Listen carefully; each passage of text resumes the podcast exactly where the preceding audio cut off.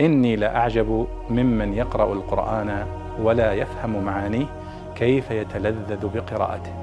كيف يتلذذ بقراءته. ورد سؤال عن معنى قوله تعالى سرمدا في وصفه لليل وفي وصفه للنهار. قل أرأيتم إن جعل الله عليكم الليل سرمدا إلى يوم القيامة؟ وقل أرأيتم إن جعل الله عليكم النهار سرمدا إلى يوم القيامة؟ فما معنى سرمد؟ السرمد وردت في هذين الموضعين فقط في سورة القصص في القرآن الكريم.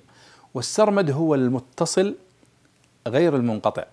فالله يقول قل أرأيتم أيها الناس إن جعل الله عليكم الليل متصلا غير منقطع وتصبح حياتكم كلها ليلا تاما دامسا.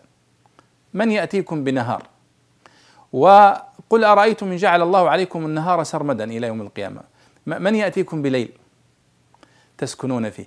فهذا كله امتنان من الله سبحانه وتعالى على خلقه أنه جعل الليل والنهار خلفة لمن أراد أن يذكر أو أراد شكورا لأن طبيعة خلق الناس وخلق المخلوقات أنها تحتاج أن تعيش جزء من حياتها في الليل وجزء من حياتها في النهار.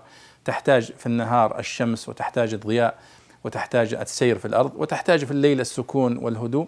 وجسم الإنسان يعني مخلوق ومفطور على أنه يحتاج إلى هذا ويحتاج إلى هذا.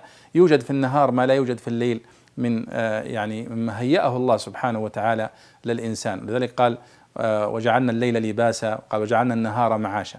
فإذا السرمد في اللغة هو المتصل غير المنقطع. يقال ليل سرمد نهار سرمد أي متصل غير منقطع. فهذا هو معنى السرمد في هاتين الآيتين التي وردت في سورة القصص في القرآن الكريم. والله أعلم.